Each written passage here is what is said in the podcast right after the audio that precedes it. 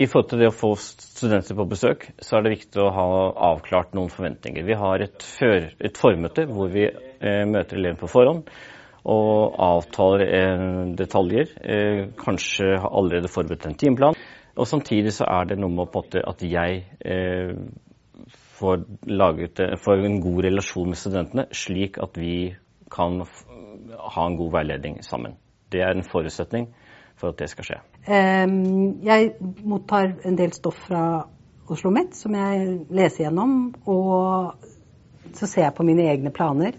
Eh, prøver jeg å sette opp en, en eh, timeplan når jeg har mulighet for å ha veiledning, og når eventuelt eh, studentene kan Eller hvilke timer de kan undervise av mine timer.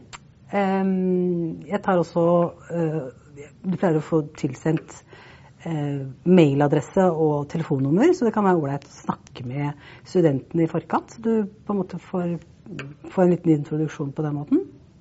Og da, da kommer de da før, de, før perioden begynner. Det er min erfaring at de kommer en tur på besøk, og så blir man litt kjent.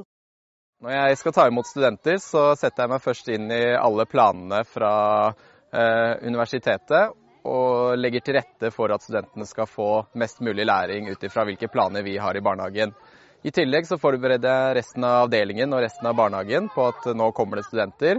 Hvem er de, og hva skal de gjøre i barnehagen? Så forbereder jeg meg selv mentalt på at jeg nå skal inn i en periode hvor jeg skal jobbe litt lengre dager, eh, flere dager i uka, og ha veiledning med studentene.